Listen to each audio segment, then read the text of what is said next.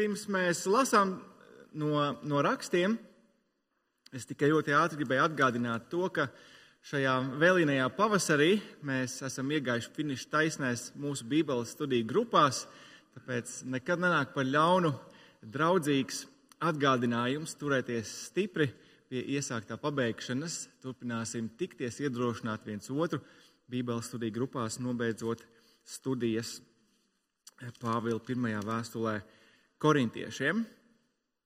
Bet nu ko, draugi, šajā brīdī vērsīsimies pie svētajiem rakstiem, un nav grūti atšķirt, daudz no jums to ir izdarījuši, mēs atšķiram vienkārši Bībeles pašu pirmo grāmatu un lasīsim no pirmās mūzes grāmatas pirmās nodaļas pirmajiem 23 pantiem.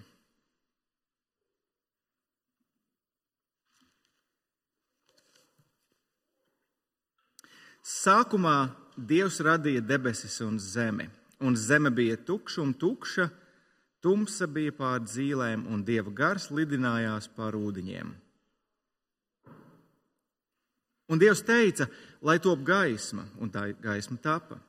Un Dievs redzēja gaismu, ka tā laba, un viņš nošķīra gaismu no tumsas. Un Dievs nosauca gaismu par dienu, un tumsu viņš nosauca par nakti un bija vakars, un bija rīts, viena diena. Un Dievs teica, lai top debesis jums starp ūdeņiem, un tas, lai nošķir ūdeņus no ūdeņiem.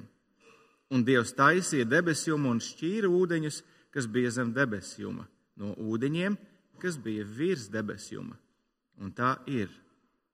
Un Dievs nosauca debesjumu par debesīm, un bija vakars, un bija rīts, otrā diena.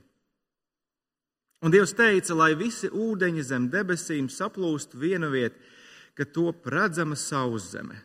Un tā ir. Un Dievs nosauca sauszemi par zemi, bet ūdeņu saplūdumu viņš nosauca par jūrām. Un Dievs redzēja, ka tā labi. Un Dievs teica, lai uz zemes sazaļo augi, stādi, kas briedina sēklu, un augļi koki, kas nes augļus kam ir sēkla, katrs pēc sava veida, lai ir uz zemes. Un tā ir. Un zeme deva augus, stādus, kas briedina sēklu katru pēc sava veida, un kokus, kas nes augļus, kuros ir sēkla katru pēc sava veida. Un Dievs redzēja, ka tā labi. Un bija vakars un bija rīts, trešā diena. Un Dievs teica, lai debesu jumā top gaismekļi, lai tie nošķir dienu no nakts, lai tie ir zīmes, kas rāda laiku, mijas dienas un gadus. Un lai gaismekļi debesu jumā dod zemē gaismu. Un tā ir. Un Dievs taisīja divus lielus gaismekļus, lielāko gaismekli, lai valda pār dienu, un mazāko gaismekli, lai valda pār nakti un zvaigznes. Un Dievs ielika tos debesjumā, lai dod zemē gaismu, lai valda pār dienu un pār nakti, un lai nošķir gaismu no tumsas. Un Dievs redzēja, ka tā labi. Un bija vakars, un bija rīts, ceturtā diena. Un Dievs teica, lai ūdenī muģētu muždzīvas būtnes, un pār zemi, lai lielo, lido putni zem debesjuma Un Dievs radīja lielus zvērus un visādas dzīves būtnes, kas rāpo un muģ ūdenī, katru pēc sava veida, un visus spārnainus putnus katru pēc sava veida. Un Dievs redzēja, ka tā labi. Un Dievs svētīja viņus, sacīdams, augļojieties un vairojieties, un piepildiet ūdeņus jūrā, bet putni lai vairojas uz zemes. Un bija vakars, un bija rīts piektā diena. Tas ir kunga vārds, un šajā brīdī mēs apstāsimies. Pirms mēs pārdomājam, nolasīt to, ļaujiet, es vadīšu mūsu pavisam īsā lūkšanā. Lūksim. Kungs, kā mēs nu pat dziedājām, tavs vārds mudina mūs atzīt to, ka tu esi Dievs. Nu, dien, kungs, mēs klusinam savu sirdi tavā priekšā, tava godības pilnā vārda priekšā, ko tikko nolasījām, kas ir prātam neaptverams, bet ticībā izdibināms. Un lūdzam Tēvs, Tavu gudrību, un žēlastību un sapratni tam, ko lasījām. Tēvs, lūdzu, palīdzi ar savu garu stiprini sludināto vārdu, lai tas izskan skaidri un uzticami Jēzus vārdā. Amen! Kā jau izskaņā no Miroslava tas, eh, tas bija dzirdams, nākamās septiņas nedēļas mēs pavadīsim nu, dikti pazīstamā teritorijā pirmajās uh, trīs nodaļās, pirmajā mūzes grāmatā, vēstījumā par to, kā viss, ko mēdz dēvēt par dabu un dzīvību, kā tas viss radās. Uh, un no dienas vēlais pavasaris šķiet tik atbilstošs mēnesis tam, vai ne? Mūsu platuma grādos cilvēki šajā gada laikā ar tādu īpašu prieku sagaida pirmos siltos saules starus, putnu vīterošanu un, un plaukstošo koku sveicienus. Aizdītajā nedēļā mans vecākais dēls kādā rītā pie brokastīm izsaucās. Viņš teica, tēti, paskaties pa logu, paskaties! Vēl pirms dažām dienām kokos bija tikai pumpuri, bet tagad tik daudz zaļas lapas. Un patiešām, paveroties uz dzīvību visapkārt, cilvēka prātu, cilvēka sirdi aizrauj radības brīnums. Spēks, kurā pēc ziemas atdusas eh, atmostās radība, harmonija ar kādu dzīvā radība, eh, te jau pievienojās radības dziesmai kārtība, kas raksturo to visu kopā, kā gada laiks nomaina gada laiku.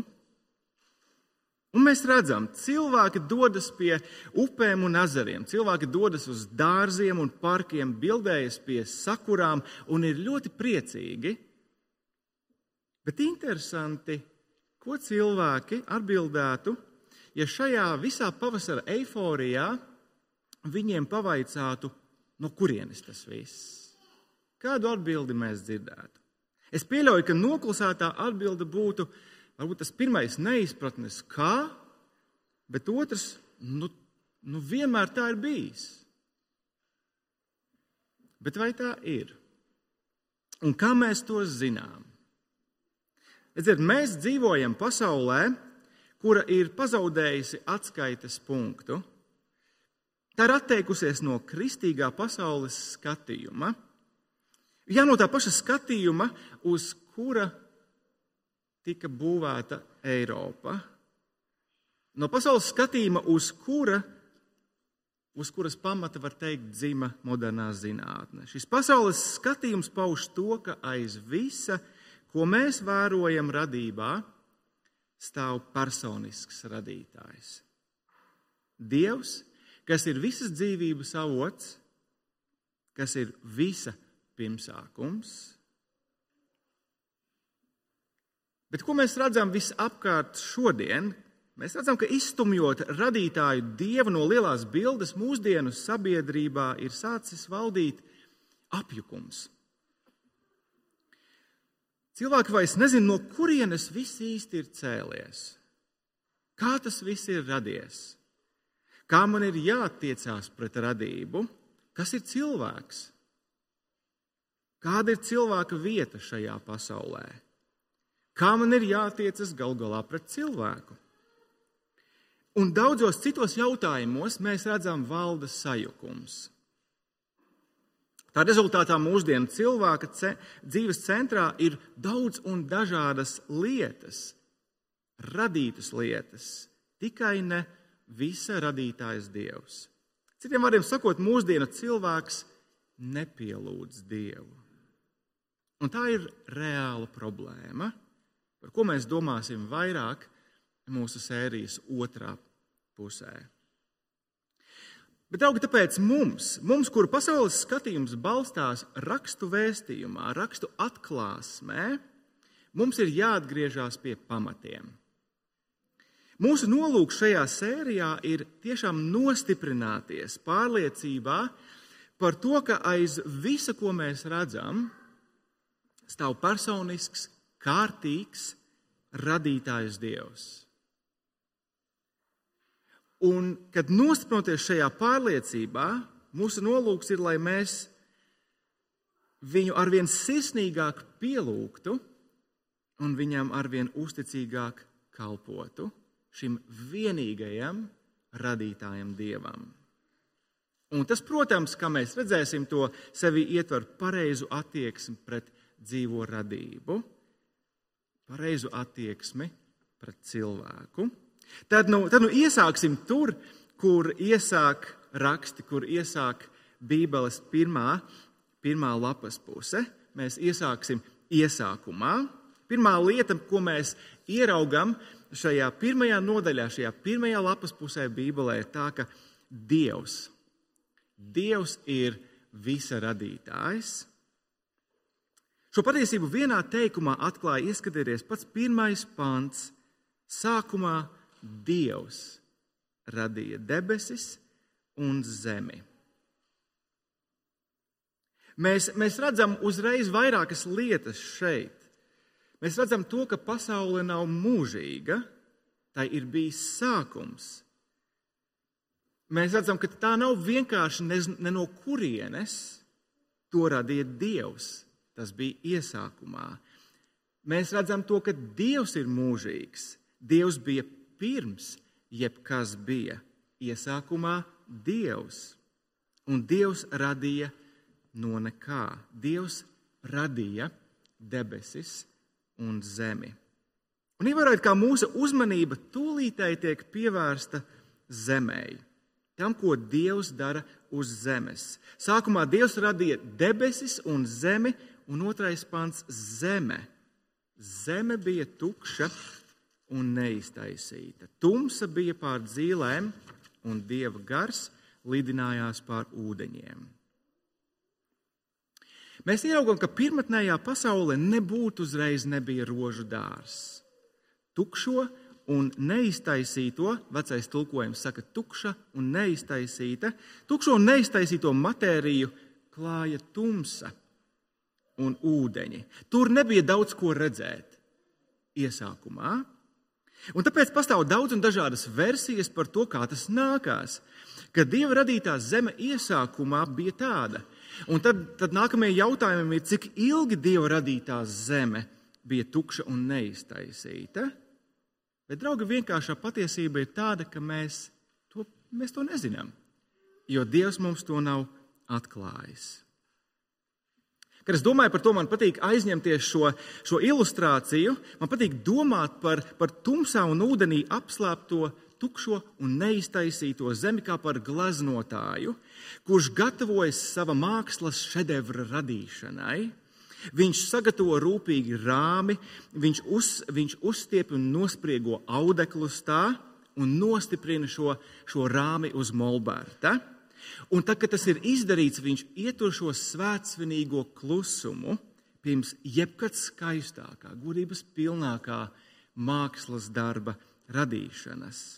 Cik, cik ilgs laiks eh, pagāja, cik ilgs bija šis svētsvinīgais klusums pirms mākslinieka otrs skar audumu, to mēs vienkārši nezinām. Tas paliek mums apslēpts. Un, protams, ka tas nenozīmē, ka jautājumiem par zemes vecumu nav pilnīgi nekādas vietas kristiešu pasaulē. Nē, zinātne, kas dzima uz, uz, uz kristīgās ticības pamata, ļoti, tā ir ļoti nodarbināta ar zemes vecuma jautājumu. Un, un līdz ar to arī kristieši dažādos gadsimtos mēģina saprast to, kā svēto rakstu vēstījums par zemes rašanos Kā tas var līdzās patstāvēt mūsdienu zinātnes atklājumiem? Taču, draugi, kā jūs to saprotat, modernās zinātnes jautājumi nepavisam nenodarbināja nabaga mūzu. Mūzes svīzdams rūpējās par šo vienu uzdevumu - skaidri pavēstīt dieva tautai, kurš stāv aiz visa redzamā, kurš stāv aiz visa neredzamā. Mūzum rūpēja tas, lai 40 gadus garajā pastaigā pa tuksnesi Izraēla ļaudis saprastu šo vienu lietu. Dievs, kurš ir izvedis viņus no Ēģiptes zemes un tagad ved viņus uz apsolīto zemi, ir visa radītājs un valdītājs Dievs. Un tāpēc Izrēlam bija jāmācās tas, ka radītājs Dievs ir pilnīgi atšķirīgs no visa tā, ko viņi redz sev apkārt. Dievs nav kokā, Dievs nav puķē, viņš nav krūmā, viņš nav nekādā statujā. Dievs nav viens no visuma varenajiem spēkiem, kāds no eģiptiešu varenajiem dieviem, kaut kas līdzvērtīgs. Nē, viņš ir vienīgais īstais varenais spēks. Tāpēc viņš vienīgais valda. Un viņa radītā pasaule, kā mēs redzam, un to redzēsim pēc brīža, ir brīnišķīga un laba. Un viņa radītā pasaule liecina par radītāja spēku. Citiem vārdiem sakot, vēlreiz Dievs ir visas radības autors. Un tāpēc Izrēlam, un, protams, arī visām nākamajām paudzēm, bija jāsaprot, ka šis ir Dievs, kuram vienīgajam ir jākalpo, kurš vienīgais ir jāpielūdz. Un, protams, mēs redzam, cik grūti vecās derības ļaudīm nākās tas. Cik daudz vienkāršāk eh, visos laikos cilvēkam ir bijis radīt pašam savu reliģiju. Vai nu tas ir bijis izlietais zelta teļš vai kanāna, elku dievi, bet arī jaunās derības lapas pusēs. Mēs redzam, cik grūti cilvēkiem visos gadsimtos ir bijis ar nedalītu sirdi pielūgt un kalpot radītājiem dievam, nevis radībai. Apostols Pāvils vēstulē romiešiem pirmajā nodaļā skaidri norāda uz to. Cilvēki visos laikos savā netaisnībā ir nomākuši patiesību par to, ka Dievs ir visa radītājs. Bet, protams, ka nomākt var tikai kaut ko, ko apzinās, vai ne? To arī apustulis Pāvils saka eh, tur romiešiem pirmajā nodaļā. Dievu pazīdami tie viņu nav godājuši kā dievu un nav viņam pateikušies, bet kļuvuši domās tukši. Un viņu neprātīgā sirds ir aptumšojusies. Kādā veidā cilvēki visos gadsimtos ir pazinuši vai ir zinājuši radītāju dievu? Un tā paša Pāvila atbilde ir vienkārši caur dieva redzamajiem darbiem. Romiešos pirmajā nodaļā, tur 19. pantā, Pāvils turpina, Dievs pats viņiem to parāda, bet neredzamais Dieva mūžīgais spēks un dievišķība, tas prātam atklājas Dieva redzamajos darbos, kas darīt kopš pasaules radīšanas tā, ka viņiem nav ar ko aizbildināties. Un par šo radīšanas darbu Mūzes sāk runāt sākot no 3. panta.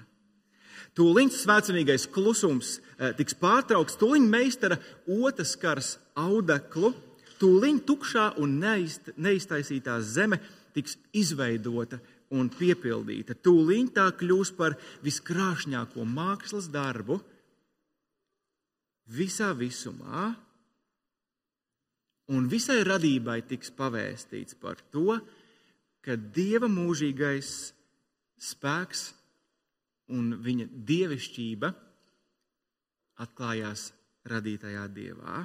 Dievs ir visa radītājs un viss ir tapis caur viņa vārdu. Un tā ir otrā lieta, par kuru mēs domāsim. Viss ir tapis Dieva vārda spēkā.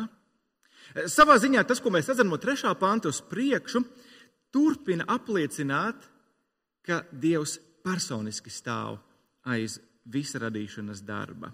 Mēs nevaram izvairīties no šīs patiesības, te katrs teikums apraksta kaut ko, ko Dievs dara.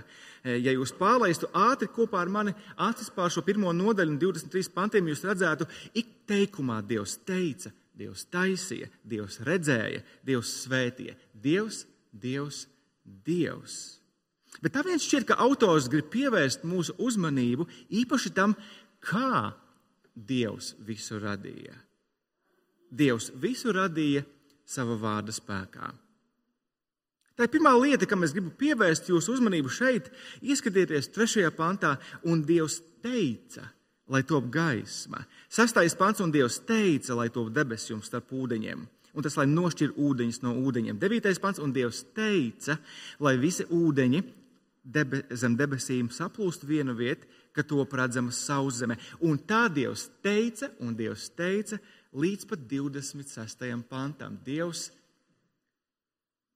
visu radīja caur savu vārdu. Dievs strādā caur savu vārdu. Un domājot par šo, es, es personiski nespēju atturēt sevi no ilgām pēc tā, kaut maniem vārdiem būtu kaut neliela, neliela daļa no, no šāda spēka, kad es runāju ar saviem bērniem mājās. Mudīgi pabeidz ēst putru, lai pēc desmit minūtēm istabā grīda būtu tīra.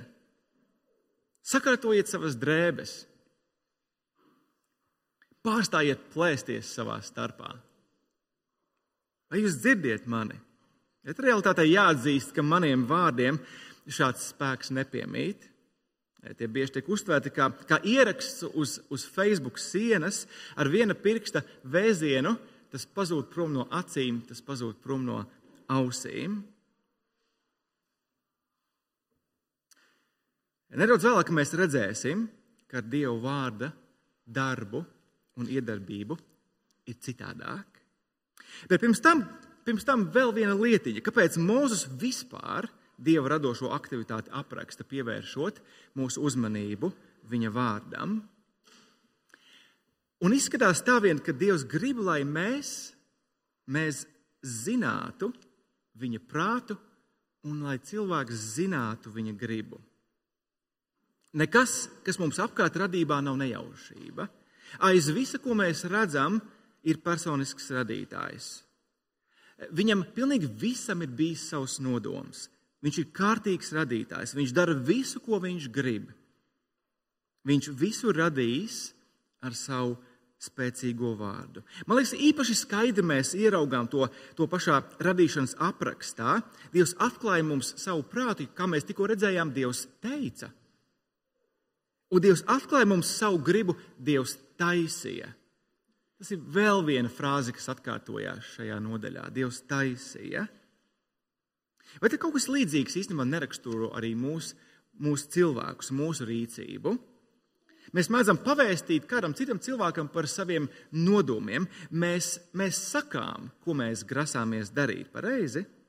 Un tad pēc kāda laika, cerams, mēs īstenojam, mēs piepildām šos savus nodomus, vai arī nepiepildām. Es pirms kādu laiku teicu saviem bērniem, ka es paaugstināšu viņu velosipēdiem sēdekļus. Tas, protams, tika sastapts ar, ar lielu sajūsmu. Es atklāju viņiem savu prātu, un pēc tam, pēc tam kaut kādu apstākļu dēļ man neizdevās paaugstināt viņu velosipēdiem sēdekļus. Mans darbs apstājās pie maniem labiem nodomiem, pie maniem vārdiem. Bet tā nav ar Dievu. Tā nav ar radīšanas stāstu, ko mēs lasām. Dieva prāts un dieva griba ir nesaraujami saistīti. Viņš nav kā cilvēks, kurš, kurš pavēstīja par saviem labiem nodomiem, kaut ko paveikt, bet tad nevienmēr tos īsteno.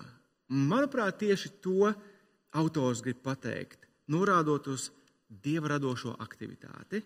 Atkal un atkal pirmajā nodaļā mēs lasām, Dievs teica un Dievs taisīja. Dievs teica, lai top debesis jums starp ūdeņiem, un tas, lai nošķir ūdeņus no ūdeņiem, un Dievs taisīja debesjumu un šķīra ūdeņus, kas bija zem debesjuma, no ūdeņiem, kas bija virs debesjuma. Bet jautājums ir, kā tas ir jāsaprot? Vai Dievs, vai Dievs ar vārdiem atklāja, ka Viņš taisīs debesjumu, bet vai Viņš to taisa un rada kaut kā citādāk? Un, manuprāt, autors vēlas, lai mēs ieraugām, ka nē.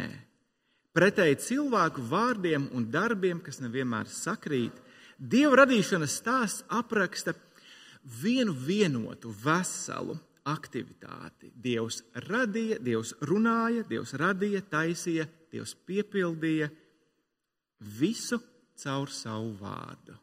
Tā visa ir Dieva vārda aktivitāte. Dievs runā, un Dievs strādā caur savu vārdu. Tātad, draugi, mēs uzzinām no, no pirmajām, no šiem pirmajiem pantiem to, ka pirms jebkas bija, bija Dievs. Dievs sākumā no nekā radīja debesis un zemi, bet zeme bija tukša un neiztaisīta, kā, kā rāmis ar audeklu uz tā sagatavots Dieva brīnumainiem radošajiem mākslas darbam. Un nu, Dievs to rada nevis ar otru, bet Dievs visu rada caur savu vārdu.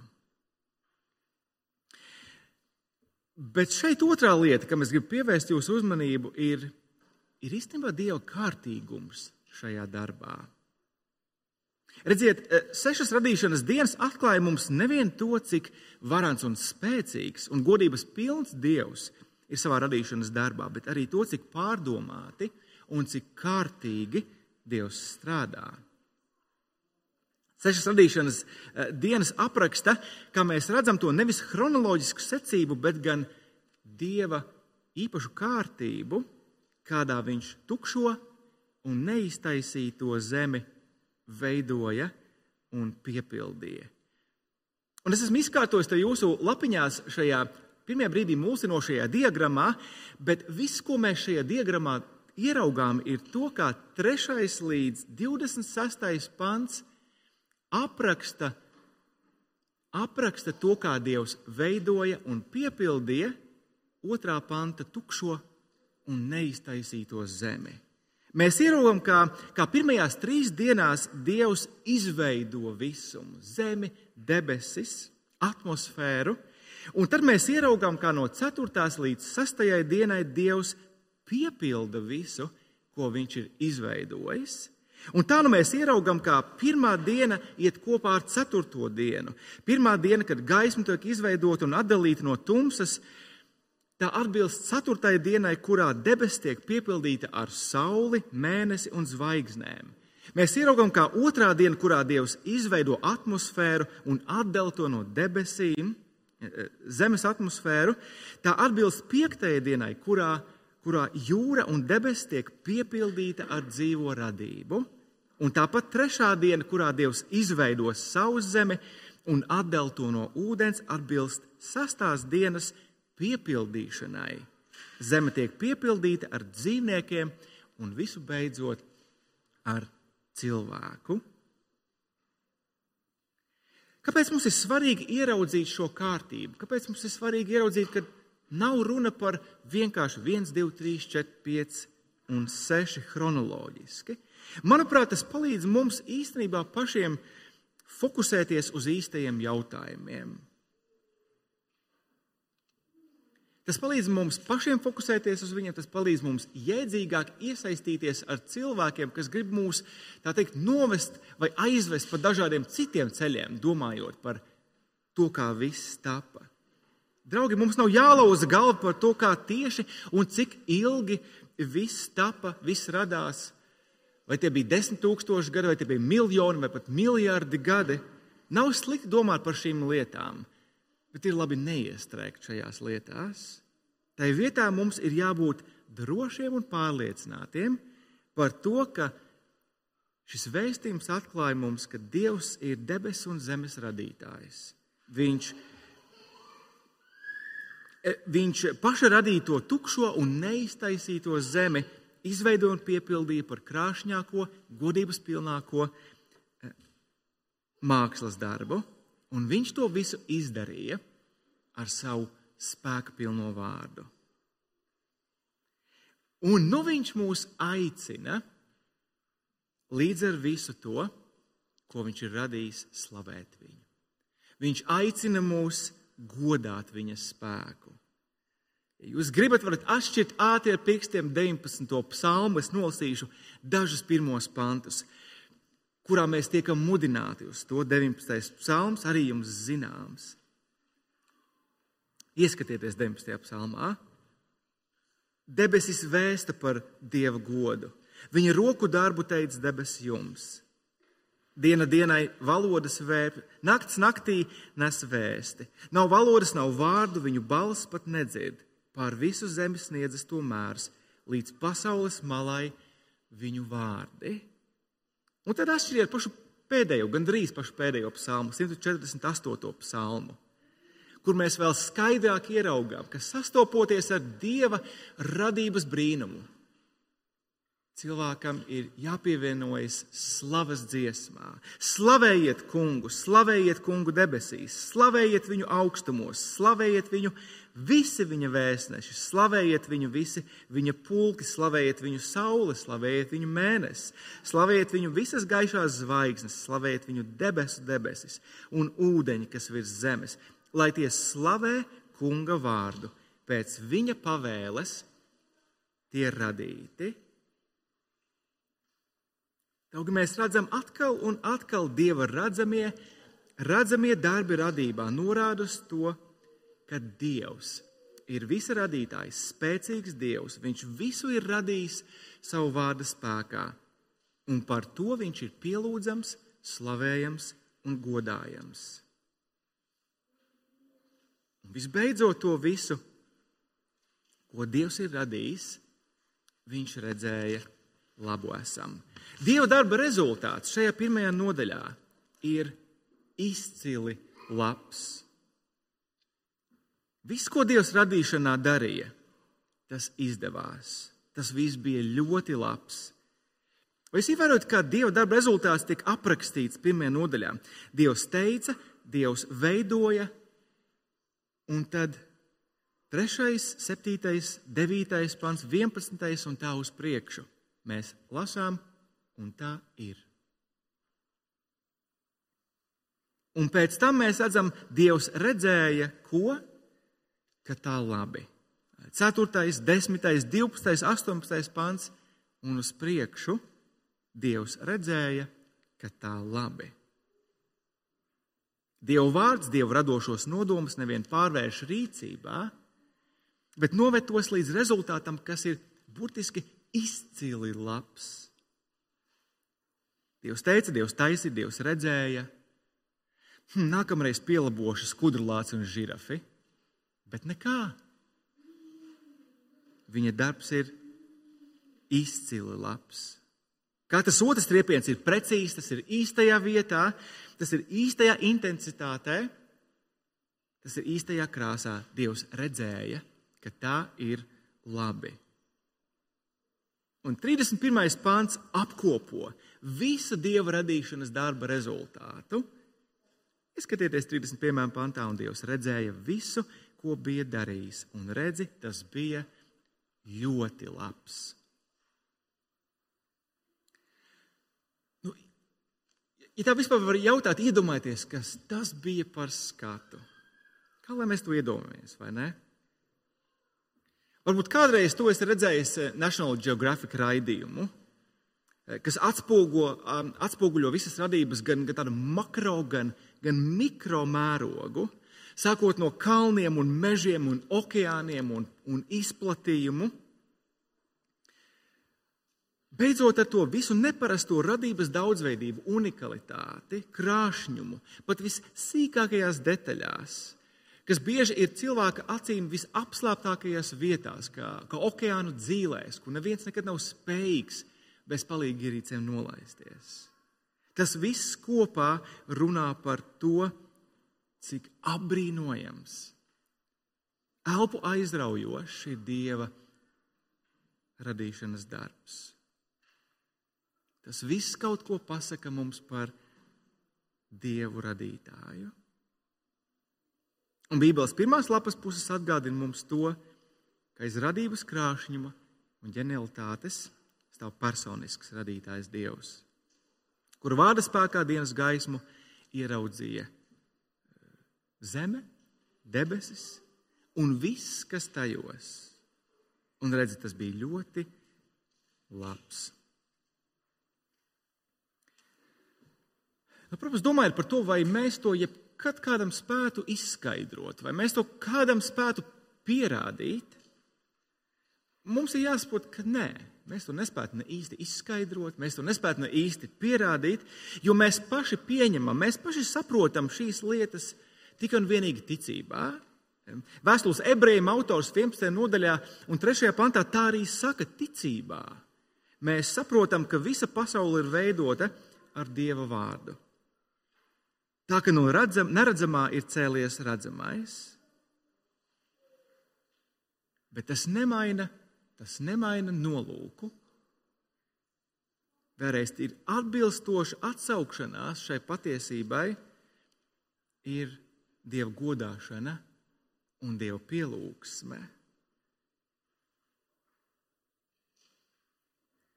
Kā to Pāvils romiešiem vēstulē atgādina, tā ir neviena pareiza reakcija, tā ir arī gudra atsaukšanās. Jo mēs lasām, ka cilvēks, kurš nepielūdz radītāju dievu, neizbēgami pielūgs kaut ko citu, kas ir radīts. Tā būs daba, saule, mēnesis, tie būs koki, vai tas būs kaut kas, kas ir no koka taisīts, nauda, piemēram. Cilvēks, kurš nepielūdz radītāju dievu, pielūgs mantu, īpašumu, tas pielūgs cilvēcisko prātu, zināšanas, vai tas pielūgs cilvēciskās spējas, darbu. Un galu galā cilvēks, kurš nepielūdz radītāju, neizbēgami pielūgs otru cilvēku. Cilvēkam var būt četras augstākās izglītības, trīs noslīpētas profesijas, bet tas joprojām var palikt muļķis. Kāpēc? Jo kā Pāvils eh, to romiešiem pirmajā nodaļā, 22. pantā, saka, tāds cilvēks ir aizvietojis neiznīcīgā dieva godību ar iznīcīga cilvēka un putna un četrkājaina rāpuļa līdzībā darinātu tēlu. Un tā ir problēma. Tā ir problēma. Kāpēc? Jo tur par blakus Pāvils atklāja par tādu cilvēku bezdievību, kas dieva patiesību nomāc netaisnībā no debesīm, atklājas dieva, mēs varam teikt, radītāja dusmas. Un vēlreiz par šo problēmu un tās risinājumu mēs šodien nedomāsim. Mēs par to domāsim sērijas otrā pusē. Bet es domāju, ka pagaidām, līdz mēs gaidām, tas palīdz mums domāt par to, ko mums kā kristiešiem nozīmēs šīs atklāsmes gaismā un visas Bībeles gaismā pielūgt un slavēt radītāju. Mēs neizbēgami ieraudzam, ieraugam, ka tas nozīmēs pielūgt un slavēt kungu Jēzu. Ja jums ir pie eh, rokas Jāņa evanģēlīja lapas puses, Jāņa evanģēlīja pirmajā nodaļā mēs to ieraugām, ka pielūgt un slavēt radītāju nozīmēs pielūgt un slavēt kungu Jēzu, kurš ir mūžīgais vārds, kurš iesākumā bija pie Dieva, kurš bija Dievs. 14. pantā, kura, kurš ir vārds tapis miesa un kurš atklājas mums tēva godību. Un 18. pants, kurš vienīgais mums var pārliecinoši darīt zināmu tēvu, jo viņš ir vienpiedzimušais Dievs, kurš ir pie tēva krūts. Un ejot solīt pa solim Jāņa evaņģēlijā, tur 14. nodaļā mēs mēs dzirdam no Jēzus mutes, ka viņa vārdi ir gars un dzīvība. Pielūgt Jēzu, pielūgt Dievu radītāju nozīmē pielūgt Jēzu. Jo viņa dzīvības vārdi, caur kuriem attausa dienas gaisma radībai, un dzīvi, ir tie paši dzīvības vārdi, caur kuriem mums attaust jaunās radības gaisma. Kristū. Tāpēc pielūgt un slavēt vareno radītāju Dievu, kurš savu vārdu spēkā ir radījis visu, no neredzamā ir tapis redzamais. Tas nozīmē pielūgt un godāt arī kungu Jēzu. Šai brīdī lūksim.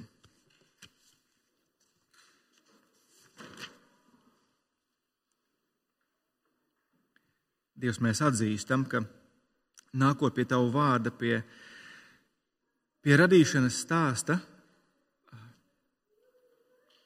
mums ir jāapstājas un mums, mēs, mēs esam bez vārdiem. Mēs nespējam ne līdz galam izprast, ne pat iztēloties, ko nozīmē, ka no neredzamā tā paredzamais, ko nozīmē, ka